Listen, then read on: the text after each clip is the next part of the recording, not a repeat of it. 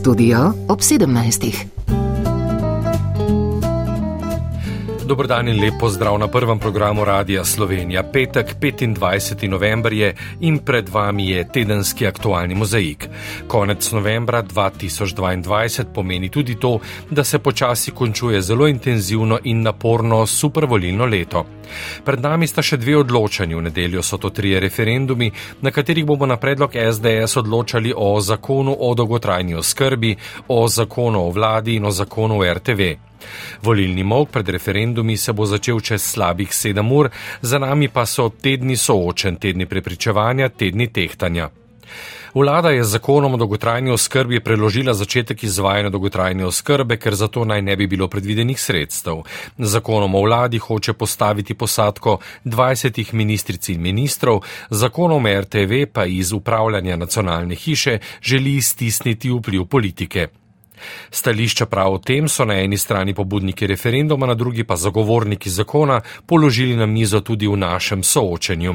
Tule sta izjavi poslanke SDS Alenke Jaraj in Barbare Rajgel iz Zavoda za kulturo raznolikosti Open. Mi menimo, da je ta uh, ureditev veljavna eh, in, in v redu, je pa tudi varovalka, da se pol predlaganih vedno menja na polovici mandata, tako da se zagotavlja, da nikoli ena sestava parlamenta ne menjuje vseh. Želim, da javna RTV ne bi bila več strankarsko bojno polje. Zakon podpiram, ker si želim, da bi v organih RTV slišali raznolike glasove, tudi konzervativne, tudi liberalne. Slišali smo tudi Petra Gregorčiča, predsednika programskega sveta RTV, da bo zakon, če obelja izpodbijal na ustavnem sodišču in poslanko Gibanja Svoboda Tamara Vonta, da je treba, če zakon dobi podporo, takoj urediti zadeve na RTV. Ampak o vsem tem več od nedelje po 19. uri, ko se bo že petič letos po vsej državi zaprlo nekaj več kot 3000 volišč. Prejšnjo nedeljo, torej 20. novembra, so se četrtič in sicer po prvem krogu lokalnih volitev. Kaj so lahko ključne ugotovitve prvega kroga? Da se odmik od politike tudi na lokalni ravni nadaljuje, oziroma še malce več, kot je dejal politolog dr. Miro Haček. Jaz bom šel malo dlje, pa bom rekel, da je to najbrž celo v večini občin eh, škodi eh, posameznemu kandidatu, ker ljudje vendarle na lokalni ravni iščejo predvsem človeka, ki ga osebno poznajo, ki ga cenijo, ki ima neke izkušnje, manj pa je pomembna tukaj politična barva. In kaj to pomeni v številkah? Ob 47,5 odstotni udeležbi, kar je druga najslabša udeležba v zgodovini prvih krogov lokalnih volitev, je prvi krog prinesel župansko odločitev v 165 od 212 slovenskih občin. Od tega pa so kar 103 izvoljene županje in župani na volitve šli samostojno ali s podporo skupine voljivcev. Stranke so seveda rezultate takoj skušale obrniti sebi v prid, ampak številke so neizprosne. Samo Novi Sloveniji je uspelo izboljšati rezultati izpred štirih let in sicer z osem izvoljenih županov na enajst, vse druge stranke, tudi SLS, ki se je razglasila za zmagovalko prvega kroga volitev, pa so padle. In sicer SLS s 23 na 12 izvoljenih županov, SDS z 12 na 11, SD s 14 na 10, Levica pa je leta 2018 in tokrat ostala na ničli. Gibanje Svoboda, ki je pogotnilo tudi SAP in LMŠ, je ob 51 kandidatkah in kandidatih osvojilo eno občino. Drugi krok, kot smo rekli 4. decembra, pari kandidatov pa bodo v svojo tekmo tekli še v 47 občinah. Vmes, skoraj mimo oči javnosti, ker gre pač za posredne volitve, pa so minile tudi volitve v državni svet, ki se mu morda vsaj v tem mandatu ne bo treba spet spopadati s težnjami po ukojnitvi. No, se je pa supervolilno leto 2022 zelo slabo končalo za dosedanjega predsednika državnega sveta Alojza Kovšco. Z listo povežimo Slovenijo mu ni uspel preboj v državni zbor, na predsedniških se na njegov namik, da bo kandidiral, če ga bo podprla katera od strank, ni odzvala niti ena, zdaj pa je ostal še brez položaja v državnem svetu. Toliko za začetek tokratnega tedenskega aktualnega mozaika, o nedeljskih referendumih in o kampanji pred njimi pa znova že čez nekaj trenutkov. Tedenski aktualni mozaik. Javnomnenjska raziskava agencije Valikon kaže, da vse tri vladne zakonske novele, o katerih bomo odločali v nedeljo na referendumu, uživajo večinsko podporo javnosti. Ta je najbolj izrazita pri zakonu o dolgotrajni oskrbi, najmanj pa pri zakonu o vladi. Valikon je raziskavo izvajal od torka do danes na vzorcu 1653 ljudi. Njihova napoved kaže, da bi, če bi bil referendum danes, za zakon o RTV glasovalo 60 odstotkov udeležencev glasovanja, za zakon o dolgotrajni oskrbi 62, za zakon o vladi pa 53 odstotkov voljivcev, ki bi se udeležili referenduma. Več pa v pogovor, ki ga je z direktorjem Valikona Andražem Zorkom posnel Aleš Kocjan. Valikonova raziskava kaže, da se da vse tri vladne novele o vladi, dolgotrajni oskrbi in RTV Slovenija uživajo večinsko podporo javnosti. S kakšno gotovostjo lahko napovedujemo, da bodo zakoni v nedeljo dobili podporo voljivk in voljivcev? Ja, to velja predvsem za dva od zakonov, se pravi zakon o RTV in zakon o dolgotrajni skrbi imata tolikšno podporo eh, predvidenih udeležencev volitev oziroma referendumov, da lahko z veliko verjetnostjo napovemo, da, bo, um, da bosta potrjena. Medtem ko za zakon o vladi to ne drži, tam je sicer razmere tudi v prid um, potrditvi, torej opciji za, vendar je razlika med za in proti tako nizka, tako majhna, da je ob upoštevanju intervala zaupanja in pa tudi vseh ostalih okoliščin, ki veljajo za referendume, rezultat preblizu temu, da bi lahko z neko gotovostjo napovedovali izid. Temu se strokovno reče, tukaj v stokolu v angliščini. Skratka, um, tu se lahko zadeva še obrne v nedeljo. Eh, udeležbo je to večkrat povdarite na referendumih težko napovedovati. Vaša raziskava kaže, da bi ta utegnila biti precejšnja. 45,8 odstotka vprašanih odgovarja, da se bo referendumov zagotovo udeležila. Tako je. Ta delež, po našem mnenju, bi utegnil biti precenjen. Pri referendumih smo že večkrat ugotavljali, da je napovedana udeležba potem drugačna od eh, dejanske. Pri referendumih je pripadnost bistveno niže, ker ne gre za pripadnost določenim strankam ali pa kandidatom, vendar, ampak za podporo določenemu zakonu ali nasprotovanje njemu. Veliko ljudi se o tem odloča dan pred ali celo na sam dan volitev oziroma referenduma, tako da je naša ocena se bolj naslanja na analizo, ki smo jo naredili na osnovi verjetno udeležbe pri posameznemu anketirancu. Tam pa se pokaže, da nekje pri 40 odstotkih udeležbe začne delež neopredeljenih bistveno naraščati.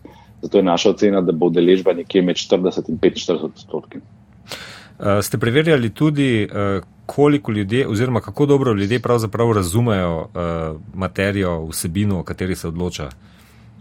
Tega konkretno z vprašanjem nismo preverjali. Se pa da razbrati iz rezultatov pri posameznem predlogu zakona, da bo odločanje precej različno, da gre pri RTV-ju zakon o RTV za precej politično odločitev, oziroma odločitev na ravni za ali proti določenemu političnemu taboru, da bo pri zakonu o dolgotrajni skrbi eh, prevladal večinski glas za zaradi same teme zakona, ne pa zaradi tega, kaj, o čem ta novela zakona res govori. Pri zakonu o vladi pa prihaja očitno do razmisleka, eh, tudi po teh pozivih različnih okoljevarstvenih organizacij, tudi levo od sredine, zato je tam rezultat bolj izenačen in ga je tudi v tem trenutku ne mogoče napovedati. Uh -huh. Eh, kako pa ste kot politični analitik eh, zaznali kampanjo, kakšno težo so imela soočenja, delo na terenu, družbene omrežja? Je bila ta kampanja morda bolj uh, um, umazana kot predsedniška tekma, ki je obveljala za neko presenetljivo dostojno uh, tekmovanje v političnem uh, kontekstu? Ne bi to govoril tukaj o omazanosti. Eh, jaz bi recimo upozoril na določene momente, ki spominjajo na kampanjo pri referendumu o vodah, se pravi na to aktivacijo nevladnih organizacij na terenu, um, na to, da se je bistveno več ukvarjalo, govorilo in vodilo kampanjo za zakon o RTV, um, da je bilo bistveno manj uh, podarka na ostalih zakonih, da, da so bila soočena, rekel, nekako predvidljiva v smislu, izkušnje, ki jih imamo s preteklimi referendumi, mene so zelo spominjala ta soočena na RTV, recimo na, na čas eh, zakonika, državskega zakonika 2015, eh, tabor za in proti, sta bila v mnogo čem podobna na takratni situaciji, sicer pa ne vidim kakšnih večjih posebnosti. Uh mhm. -huh. Kako pa ste videli vlogo pobudnikov referenduma? SDS je zahtevala referendum, a ni bila prav zares vidna v kampanji Eh, tako kot na drugi strani nevladne organizacije ali pa tudi na vse zadnje na eh, desni strani eh, se zdi, da je bila bolj v spredju civilna družba kot pa stranka, ki je zbrala podpise za referendume. Ja, takšna cena je lahko hitro, seveda, posledica tega, katere medije posameznik spremlja. Uh, medijski prostor v Sloveniji je precej razdeljen, polariziran, podobno kot uh, politični prostor. Uh, tako da vprašanje, če je res tako, tu bi morali imeti kakšno resnejšo kvantitativno analizo prispevkov in sebinske analize za in proti. Uh, moram pa priznati, da sem pričakoval večjo angažiranost uh, predlagateljev referenduma, kot smo jo bili deležni. Um, še pri strankarski lesvici, kaj posebnega izpostaviti, zdi se, da večjih sprememb ni zaznati? Ni, smo v obdobju že kar nekaj časa od preteklih volitev in v obdobju, ko z ničemer ni nakazano, da bi do novih volitev lahko prišlo v kratkem, skratka, da bo te vsleko prej redne, tako da so ti rezultati tudi temu primerni, so bolj odraz neke trenutne, trenutnega sentimenta, kot pa česa drugega. Andrej Zorko, veliko najlepša hvala za pogovor. Hvala vam. Državni zbor je sprejel proračuna za prihodnji dve leti. Prinaša ta neverjetno visok obseg porabe za prihodnje leto skoraj 17 milijard in načrtovan primankljaj v višini 3,3 milijarde oziroma kar 5,3 odstotka BDP-ja. To odpira vprašanje o vzdržnosti javnih financ, zlasti ker se gospodarska rast hitro ohlaja.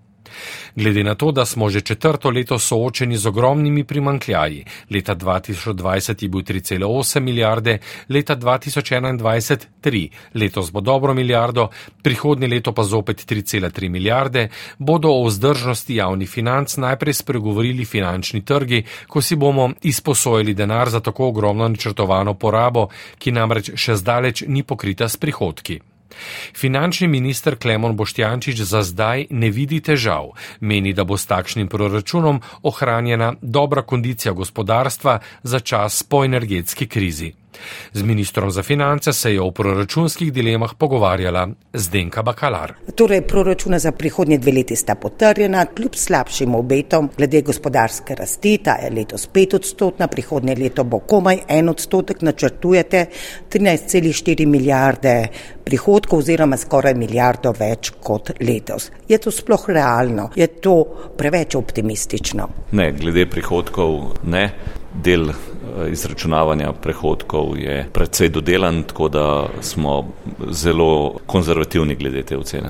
Odhodki so rekordni, skoraj 17 milijard od tega, 3,3 milijarde primankljaja, za kar se bo treba zadolžiti, glede na podražitev zadolževanja zaradi višjih obresti. Se bi strinjali morda z opozicijo, da je to vseeno dokaj neodgovorno? Ne, Kar se tiče obvladovanja dolga države, na tem področju delamo izjemno dobro. Mi smo večino dolga, ki ga je treba, ki zapade naslednje leto, že refinancirali, ustaja samo en manjši del. Sveda se bo pa treba zadolžiti za tist del primankljaja v naslednjem letu. Ravno zaradi tega na ministrstvu izjemno veliko pozornost posvečamo um, odnosu z investitorji in z bonitetnimi agencijami. In na tem področju tudi lete uh, ocenjujejo uh, stanje Slovenije kot uh, stabilno oziroma z pozitivnimi obeti letos je bilo v rebalansu 750 milijonov za dokapitalizacijo energetskih, strateških energetskih podjetij. Vi ste pred mesecem napovedali dokaj dramatično, da bo treba 200 milijonov eh, dati v geoplin, no to se ni zgodilo, zdaj pa je v proračunu za leto 23 skoraj milijarda. Čemu bo namenjena ta? Vsota. Gre vse čas za enako stvar, pretežno gre za rezervo, ki je namenjena za morebitne dokapitalizacije energetskih družb. Kar se tiče napovedi glede dokapitalizacije geoplina, nas je na to opozoril oziroma zaprosil večinski lasnik, to je Petrol. Razmere takrat na trgu so kazale, da je nujno potrebna dokapitalizacija v naslednjih nekaj tednih so se razmere toliko izboljšale, da ta trenutek kaže, da dokapitalizacija ni potrebna, je pa seveda nemogoče govoriti, kako bo to v naslednjih tednih in v naslednjem letu.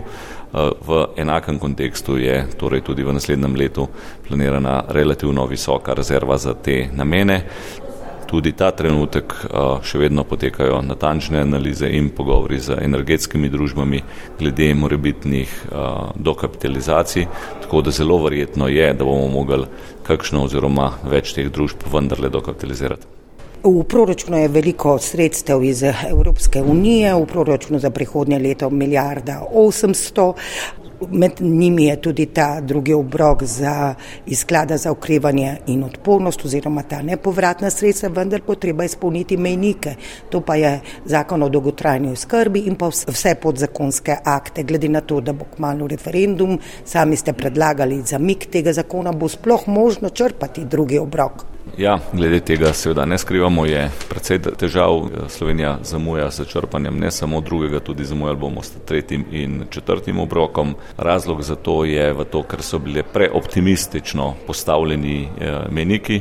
To seveda s tem sedanja vlada nima popolnoma ničesar.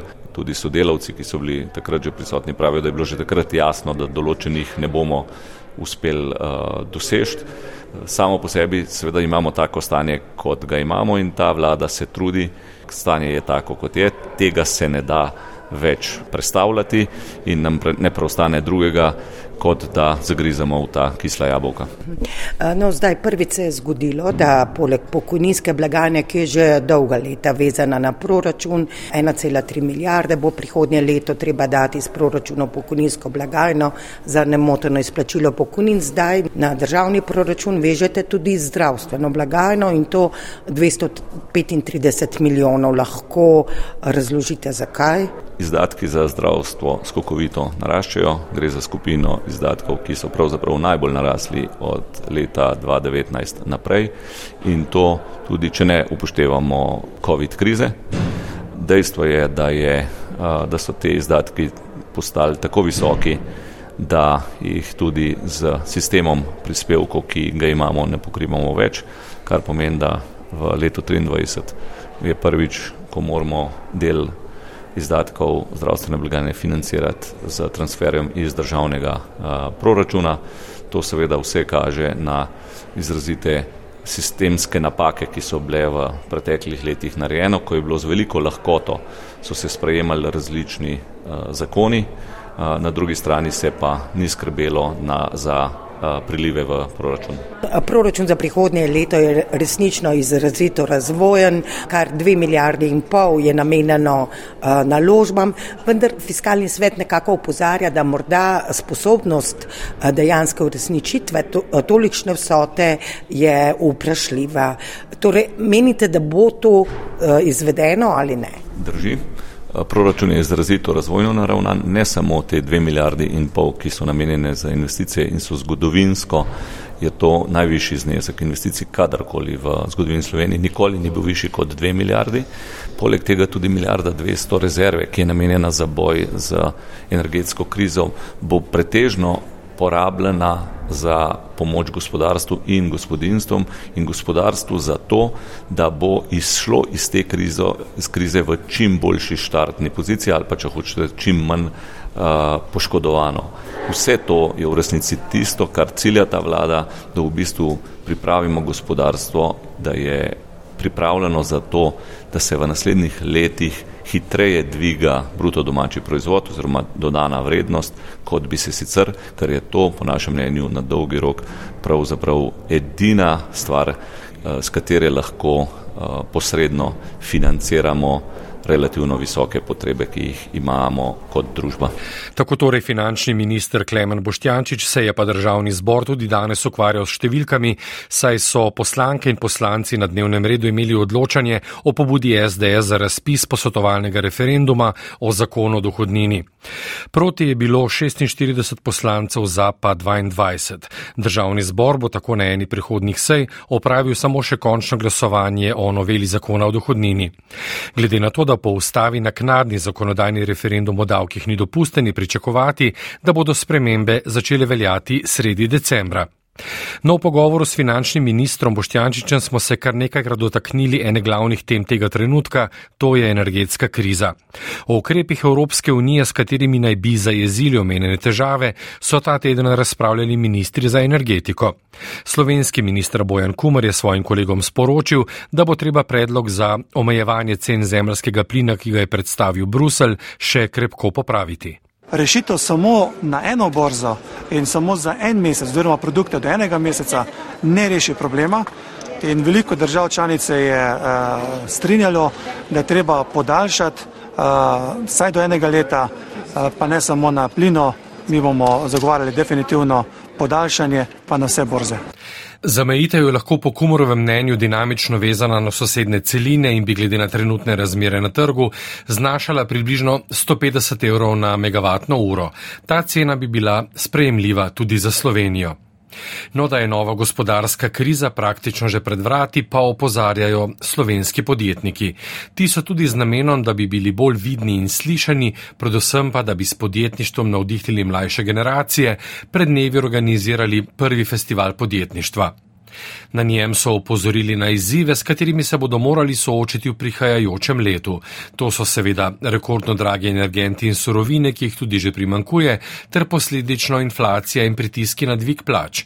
Če jim vlada ne bo prisluhnila in pripravila očinkovitih ukrepov, s katerimi bi uspešno prebrotili še eno krizo, se po njihovem mnenju gospodarstvu ne obeta nič dobrega. Simeona Rogel.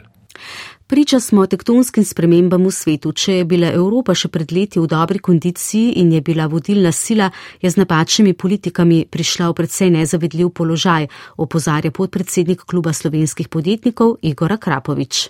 Moramo vedeti, da je zdaj le trenutno približno 30 tisoč podjetij v Nemčiji insolventnih, da se bojo začela odpuščanja. Seveda vsi vemo, kakšna je povezanost Slovenije z Nemčijo, kakšno odvisnost. In uh, ko bodo oni začeli odpuščati, se bo to uh, poznalo direktno in takoj v Sloveniji.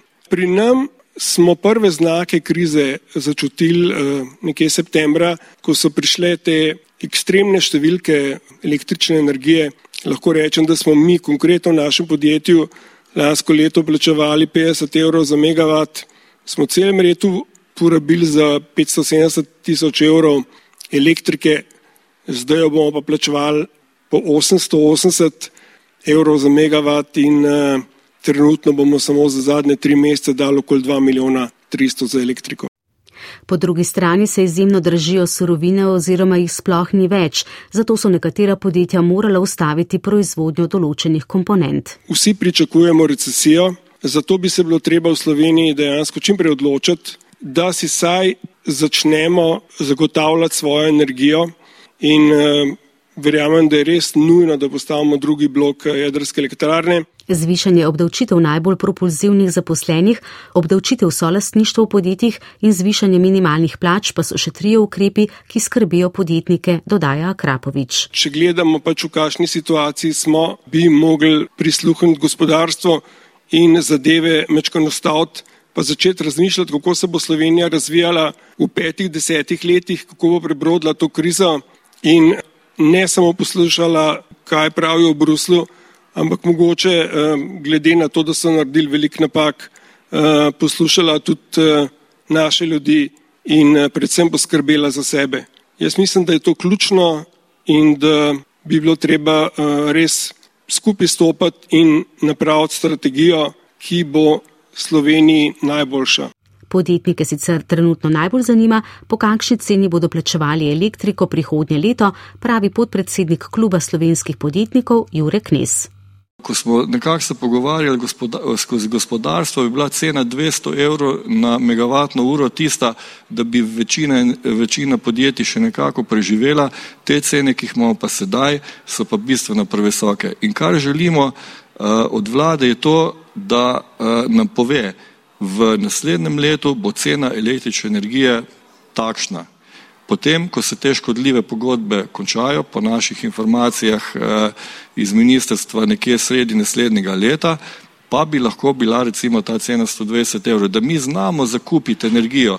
Zaradi tega, ker na drugi strani pa nam vlada ponuja subvencijo, ki je zelo komplicirana in ki za nekatera podjetja, predvsem tista, ki v letu 2021 niso eh, delovala, je tudi neuporabna. In tukaj bomo začeli izgubljati. Od učinkovitosti vladnih ukrepov je namreč v veliki meri odvisno, koliko podjetij bo propadlo naslednje leto. V preteklosti smo bili že večkrat, ne tudi v času COVID-a, smo bili na tem v, da, da smo bili v krizi in je bilo prav ta sodelovanje gospodarstva, politika, iskanje rešitev je bilo ključno za to, da smo išli iz tega kot zmagovalci, da smo bili izmena ene izmed najboljših dežel v ukrepih in jaz upam, da bo temu tudi sedaj tako. Ne. Tako da te stvari se dajo zelo Eh, zelo se da vplivati na te stvari. Ne. Eh, in tako, kot ste, eh, ko smo že prej rekli, ali bo cena energije 450 evrov, ali bo 200, ali bo 120, na te vprašanje treba imeti odgovor. Če podjetniško okolje več ne bo predvidljivo in prijazno, pa bodo razmislili tudi o selitvi v tujino, še opozarja Akrapovič. Mi spremljamo situacijo in po teh eskalacijah, ki so bile dobre, še pa pol leta nazaj, smo seveda pripravljeni na vse, nekateri so pa že tudi prodali podjetja. Tako da sve so vsi tiho, ampak eh, vsak ima pa svoj scenarij pripravljen. Upajmo, da ne bo potreben. Obrat v gibanju je sicer že opaziti tudi na trgu dela. No, ker smo ravno govorili o slovenskih podjetnikih, dodajmo, da je revija Finance Manager objavila lestvico najbogatejših slovencev. Stoterica najbogatejših slovencev ima pod palcem 8,1 milijarde evrov, kar je nov rekord. Premoženje 100 najbogatejših se je v zadnjem letu povečalo za 15 odstotkov oziroma za približno milijardo evrov. Na vrhu lestvice ni sprememb, na njej kraljujeta Iza Sija in Samo Login, skupaj sta težka 690 milijonov evrov. Tedenski aktualni mozaik. Pogled onkraj naših ožjih in širših meja začenjamo v Egiptu. Najpomembnejši dosežek letošnje podnebne konference v Šarmel Šejku je dogovor o vzpostavitvi sklada za pomoč pri odpravljanju škod, ki jo v najbolj razvitih državah povzročajo podnebne spremembe.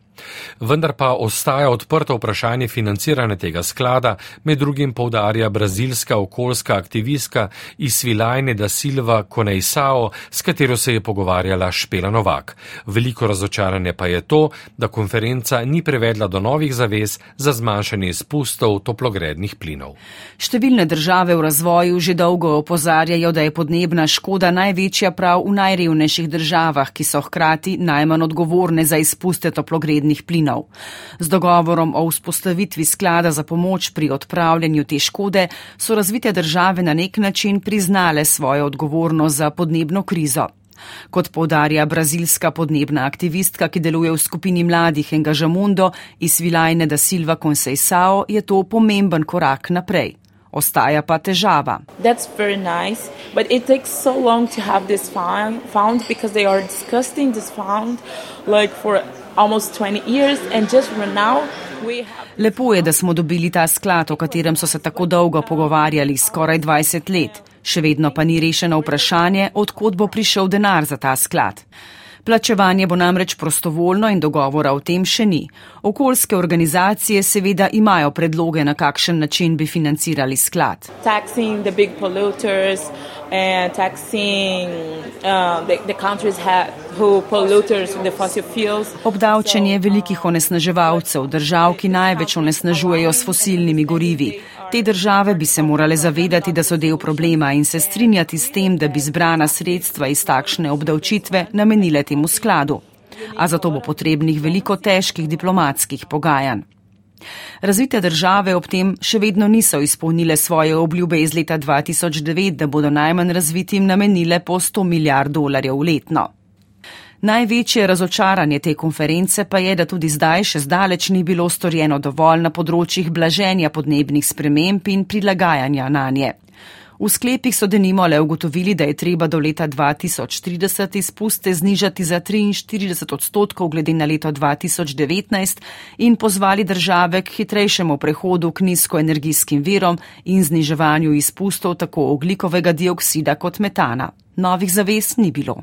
That's sad because um, if we mitigate it, we, we, we, we wouldn't need it, the loss and damage funding. To je žalostno. Če bi naredili dovolj za blaženje, potem sklada za odpravljanje škod sploh ne bi potrebovali. Številni aktivisti pa so ob robu podnebne konference opozarjali na diktaturo in številne kršitve človekovih pravic v državi gostiteljici, to je Egiptu, iz Vilajne da Silva Conceição. The, I, I think 50% of the prisoners are activists Med tistimi, ki so v Egiptu obsojeni na zaporne kazni, so v večini politični aktivisti, zato so bile človekove pravice pomembno vprašanje te konference. Pozitivno pa je povdarja naša sogovornica, da se je njena država pod novim predsednikom vrnila na podnebne konference. Lula da Silva si celo prizadeva, da bi čez štiri leta konferenco znova gostila Brazilija. He, he talked a lot of, about climate change. It was something that was very new for us. Lula da Silva je že v prvem govoru po izvolitvi izpostavil vprašanje podnebnih sprememb, kar je bilo za Brazilijo nekaj novega. Na podnebni konferenci je Lula veliko pozornosti namenil civilni družbi, zato imamo od njega zelo velika pričakovanja. Veselimo se sodelovanja z njim, a bomo hkrati tudi zahtevali, da izpolni svoje obljube. Dobro je, da se je udeležil podnebne konference. Njegov predhodnik Žair Bolsonaro se podnebnih konferenc nikoli ni udeležil. Dobro je, da je novi predsednik Brazilijo vrnil za pogajalsko mizo. Zaradi skokovitega povečanja števila prehodov nezakonitih migrantov v Evropsko unijo in tudi diplomatskega spora med Italijo in Francijo zaradi izkrcanja rešenih migrantov z ene od ladi, danes v Bruslju poteka izredno zasedanje notranjih ministrov članic unije. Srečanja, na katerih naj bi sicer ne sprejeli nobenih odločitev, se odeležuje tudi notranja ministrica Tatjana Bobnar iz Bruslja Igor Jurič. Današnje srečanje je v prvi vrsti namenjeno poglobljeni vsebinski razpravi o ukrepih, ki naj omejijo res visoko povečanje števila prihodov nezakonitih migrantov v Unijo v letošnjem letu. O morebitnih ukrepih pa bodo odločali šele na rednem decembrskem zasedanju. Po mnenju mnogih so letošnje številke zelo zaskrbljujoče. Agencija Frontex je na zonanih mejah Unije v prvih desetih mesecih zabeležila 281 tisoč nezakonitih prehodov meje, kar je za 77 odstotkov več kot v enakem lanskem obdobju in največ po zadnji veliki migranski krizi v letih 2015-16. Največ nezakonitih prehodov zunanje meje Unije je Frontex zabeležil na tako imenovani zahodno-balkanski poti, več kot 128 tisoč, kar predstavlja 168 odstotno povečanje glede na lansko enako obdobje. Na drugem mestu pa je izredno nevarna pot čez osrednje sredozemlje, kjer je prišlo do 59 odstotnega povečanja števila nezakonitih prehodov meje. Evropska komisarka za notranje zadeve Ilva Johansson je v predstavitvi načrta Komisije za soočanje z migracijami na osrednji sredozemski poti, ki vsebuje 20 točk, podarila, da velika večina tistih, ki nezakonito prispejo v Unijo, ni upravičena do mednarodne zaščite. Zato je eden glavnih stebrov načrta okrepitev sodelovanja s tretjimi državami, kot so Egipt, Libija in Tunizija, pa tudi državami, odkuder prihaja največ migrantov. Za podporo državam Severne Afrike je tako med letoma 2021 in 2023 namenjenih najmanj 580 milijonov evrov. Drugi stebr načrta komisije želi članice spodbuditi predvsem k večjemu in bolj usklajenemu delovanju pri reševanju ljudi na morju. Zadnji diplomatski spor med Italijo, ki ni dovolila izkrcanja migrantov, ki jih je rešila ena od vladi nevladnih organizacij, in Francijo, ki je potem dovolila izkrcanje ljudi, a v poročilo odstopila od ponudbe, da prostovoljno prevzame 3500 migrantov iz Italije, je le vrh ledene gore. Načrt pa prave rešitve ne ponuja, saj članice le spodbuja k tesnejšemu sodelovanju in usklajevanju in predvideva, da bi v okviru mednarodne pomorske organizacije spodbudili izdelavo posebnih smernic za ravnanje ladi nevladnih organizacij, ki rešujejo ljudi na morju. O problemu nezakonitih migracij so zelo kritično razpravljali tudi poslanci Evropskega parlamenta in nastop slovenskega poslanca iz vrst socialistov Matjaža Nemca v veliki meri odseva razpravo. Res je, da Evropa ne more sprejeti vseh beguncev tega sveta, a mora prevzeti svoj del odgovornosti. Gordijski vozel nedelujočega migracijskega sistema moramo nujno presekati. Zato pa potrebujemo učinkovito migracijsko in azilno politiko. Ta mora temeljiti na solidarnosti in pravičnem deljenju bremen. Prav solidarnost in delitev bremen predstavljata tretji stebr načrta Evropske komisije, vendar pa sistem prostovoljne solidarnosti, ki so ga poleti vzpostavile nekatere članice, v resnici ni zaživel. Komisarka Johanssonova je opozorila, da so članice obljubile, da bodo iz najbolj obremenjenih držav sprejele 8000 migrantov, v resnici pa so jih le kakih 100. Zato je po njenem potrebno predvsem uresničiti že dane obljube. Med razpravo v parlamentu je bilo sicer slišati vrsto kritik na račun neučinkovite migranske politike v Uniji in hkrati pozive tudi strani komisije k enotnemu evropskemu odgovoru. Podpredsednik Evropske komisije Margaritis Schinas. Since September 2020 with my colleague Commissioner Johansson Sinas je opozoril, da sta s komisarko Johanssonovo že septembra 2020 predlagala vsestranski pakt o migracijah in azilni politiki, ki vsebuje vsa sredstva za vsestransko reševanje problema nezakonitih migracij. Članice morajo le doseči dogovor o paktu in začeti uporabljati sredstva, ki jih ta predvideva. Skokovit porast števila nezakonitih migrantov v zadnjem času pod vprašaj postavlja tudi predvideno širitev šengenskega območja na Hrvaško, Bolgarijo in Romunijo s 1. januarjem 2024. Po mnenju avstrijskega notranjega ministra Karnerja, šengensko območje ne deluje. Glede Hrvaške naj naša severna soseda ne bi imela zadržkov, je pa vprašanje, ali bo podprla vstop Romunije in Bolgarije. O tem bodo morda notranji ministri razpravljali že danes, gotovo pa bo to tema naslednjega rednega zasedanja notranjih ministrov v začetku decembra, ko naj bi tudi dokončno glasovali o sprijemu novih članic v šengensko območje. Še ena od tem, mimo katere zadnje mesece praktično ne moremo, je vojna v Ukrajini. Prihaja zima. Ruski raketni napadi, ki so usmerjeni zlasti v uničevanje ukrajinske infrastrukture, pa so povzročili hude težave v skrbi z elektriko in tudi vodo. Ukrajinski predsednik Volodimir Zelenski je ta teden prek video povezave na zasedanju varnostnega sveta Rusijo obtožil zločinov proti človečnosti. Energetični teror, se analog Zastosovanje z. Energetski terorizem je kot uporaba orožja za množično uničevanje. Ko zunaj temperature padejo pod ničlo in več deset milijonov ljudi ostane brez elektrike, ogrevanja in vode zaradi ruskih raketnih napadov na energetsko infrastrukturo, je to očiten zločin proti človeštvu. Zločin proti ljudjanosti. Rusijo so obsodili tudi nekateri drugi veleposlaniki znotraj varnostnega sveta, ukrepov pa seveda ni bilo, ker ima Rusija pravico do veta.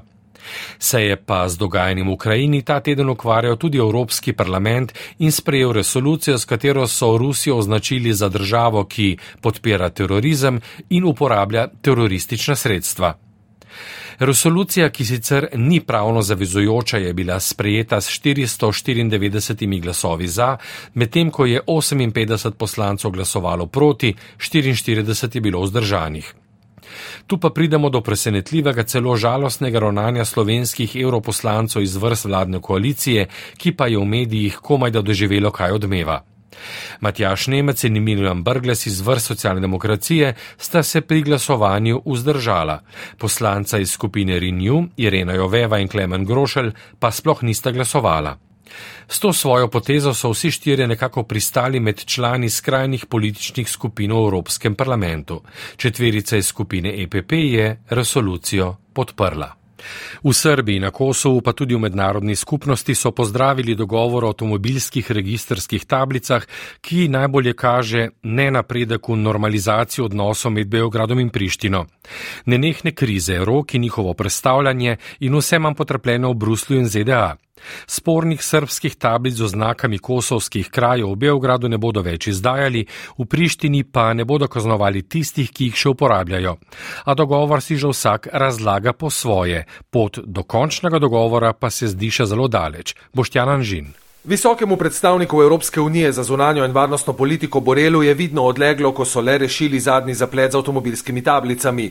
V resnici so ga spet bolj zamrznili. Srbi, ki še uporabljajo sporne tablice, ki jih je Priština do zdaj tolerirala le v štirih večinsko srbskih občinah na severu, se bodo z njimi lahko vozili še naprej. A v Beogradu trdijo, da bodo nehali izdajati le nove tablice, možno pa bo podaljšanje obstoječih. V Prištini drugače. Dogovor pomeni, da bodo sporne tablice postopno izginile. Srbi na severu razdeljene Mitrovice želijo pojasnila.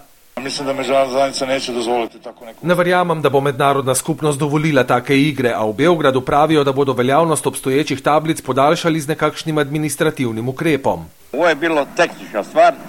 Tu je šlo za tehnično vprašanje, kasneje se bodo pogajali o političnih. Ne vem, kako se bo to končalo, a sam nameravam ostati tu. Na vse zadnje me nihče ne sili naj odidem. Zakaj bi torej odšel? Za Beograd je ključno sporočilo iz Bruslja, da se morajo že dogovorjeni sporazumi uveljaviti, torej tudi bruselski in z njim Zveza srpskih občin, ki jo na Kosovu zdaj zavračajo, saj da na svojem ozemlju nočejo nove republike srpske. A Srbi se v nasprotnem primeru ne bodo vrnili v kosovske institucije. Ja mislim, da je to i statusno Mislim, da je to tudi v statusnem smislu majhna taktična zmaga, ki pa nas bo pripeljala v še težji položaj. Izpostavljeni bomo še večjemu pritisku, pravi srpski predsednik. V Prištini so bili pripravljeni popustiti, če se bodo vrnili na pogajanja o končnem sporazumu o normalizaciji odnosov, ki bo uredil vse, tudi tablice in ki mora po njihovem mnenju voditi v medsebojno priznanje, za kar v Beogradu nočejo niti slišati.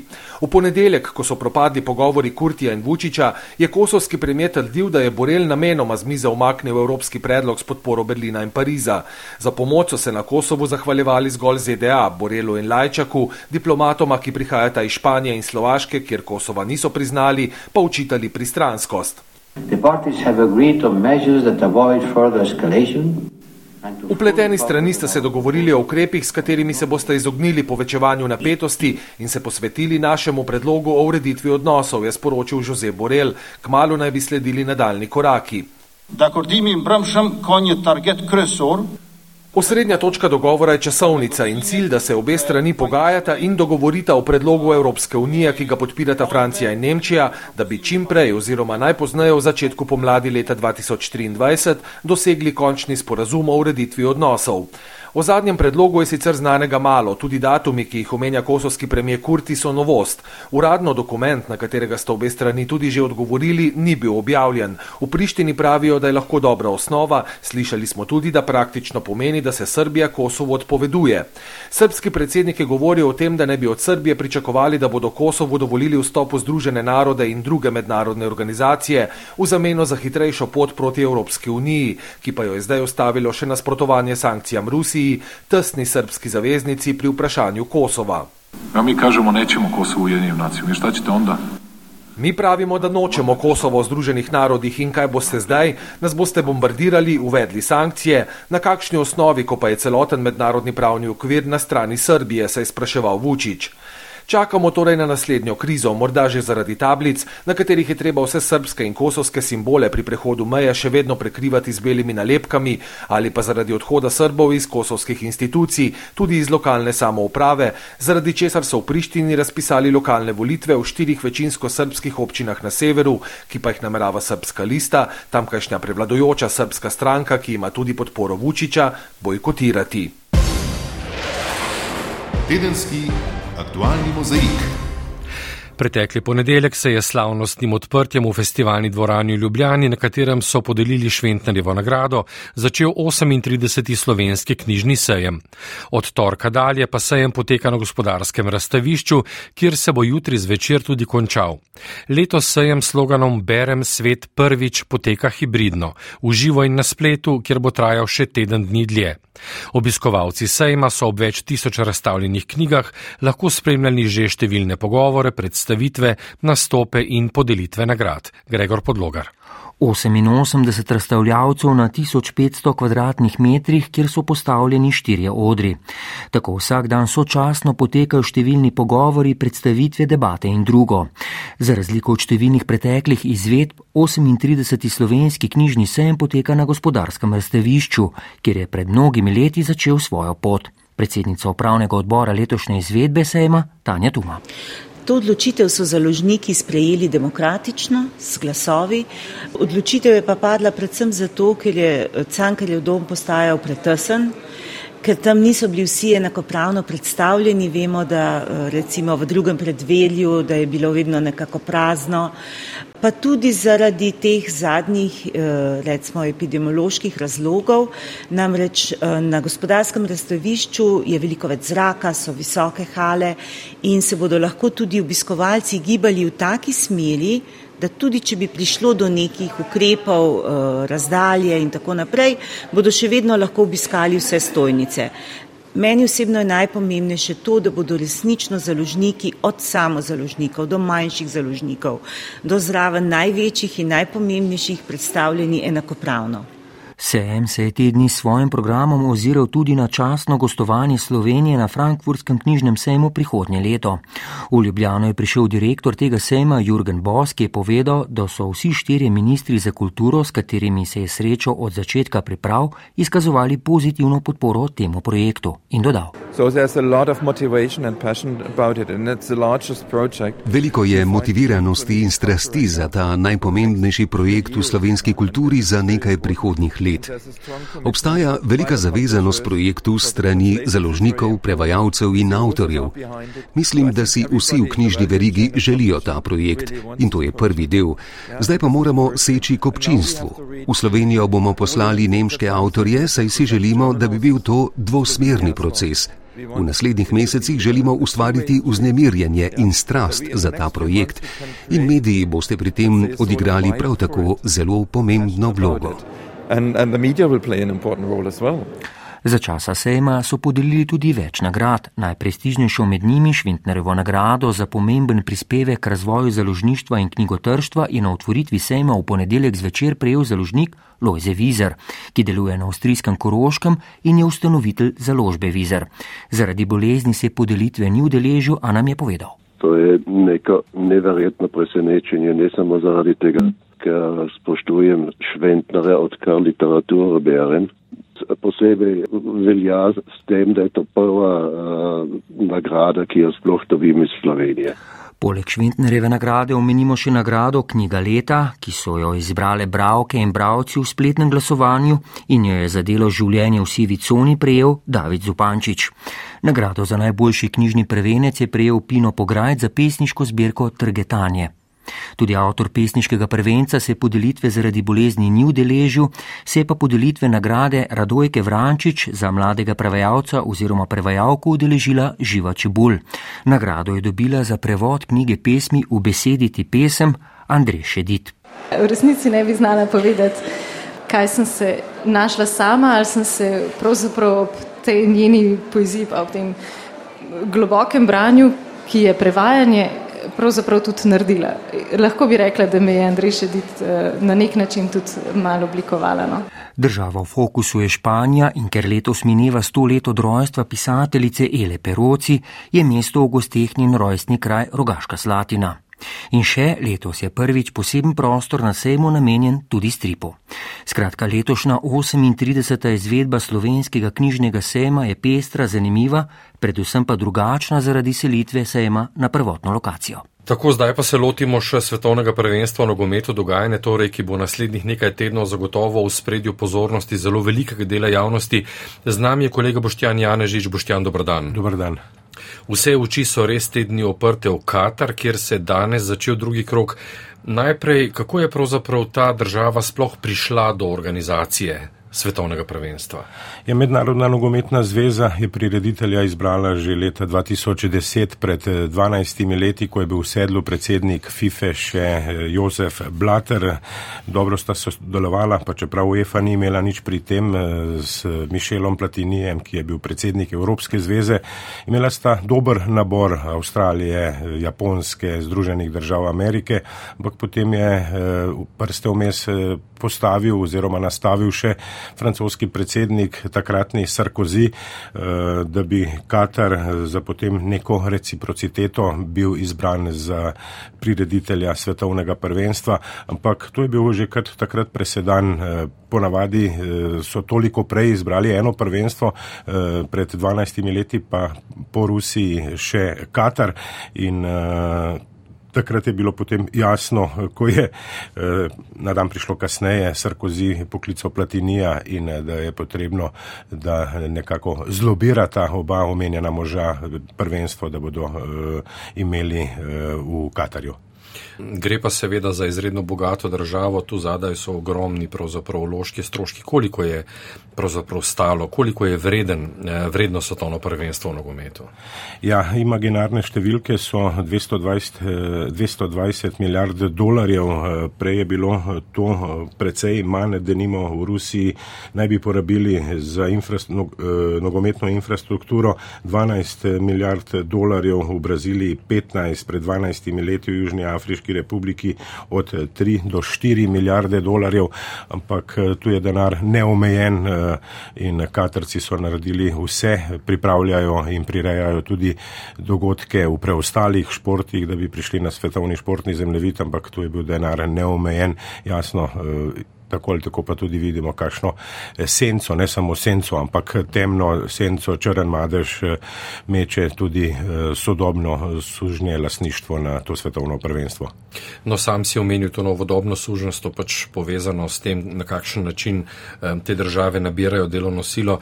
Um, O suženstvu pa pravzaprav lahko zahtev katarskih organizatorjev govoriva tudi, ko gre za mednarodno nogometno zvezo. Eh, vemo, da je ogromno, ogromno pravzaprav besed zadnje tedne povezanih z mauričnimi barvami, zlasti eh, s kapetanskimi trakovi, ki naj bi bili v teh barvah, pa so prepovedani. Ja, najprej v suženstvu šest tisoč ljudi naj bi umrlo ob gradni stadionov, nekateri tudi eh, samomorom, eh, sicer pa tudi nova uprava FIFE, ko je Gianni Infantino sedaj predsednik eh, mednarodne nogometne zveze se zelo prilagaja eh, denarju katarskih šejkov eh, in eh, tudi njihovim pravilom, tako da, ko so razmišljali usled v reprezentancah, da bi opozorili družbo na nepravice in nepravilnosti v Katarju, Dohi in okolici, je potem potegnila kar skupaj s prireditelji tudi mednarodna zveza, da bo prepovedala maurične kapetanske trakove. Če ne bi to terjalo, je že kar rumeni karton, tako da so se v reprezentancah odločili, da ne bodo šli s to idejo na dan. Tako, eh, toliko o svetovnem prvenstvu nogometu. Boštjan Janežič, najlepša hvala. Hvala enako.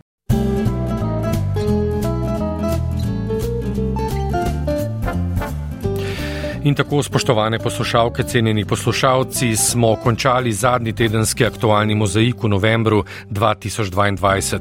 Pred nami je veseli decembr, mesec, ko bomo vsi skupaj skušali malce odriniti misli na naporni vsakdanjik. Med našo oddajo je zažarela tudi Ljubljana, prestolnica, namreč praznično razsvetljavo tradicionalno prižge v petek pred prvo adventno nedeljo. Z željami, da se vsi skupaj malce oddahnemo, vas danes pozdravljamo urednica oddaje Erika Štular tonski mojster Vladimir Jovanovič in novinar Tomaš Celestina. Še vabilo, v ponedeljek prisluhnite studio ob 17. v katerem bomo komentirali izide nedeljskih referendumov in osvetlili posledice odločitev za vse tri referendume. Za danes pa le še nasvidenje in lep večer še naprej.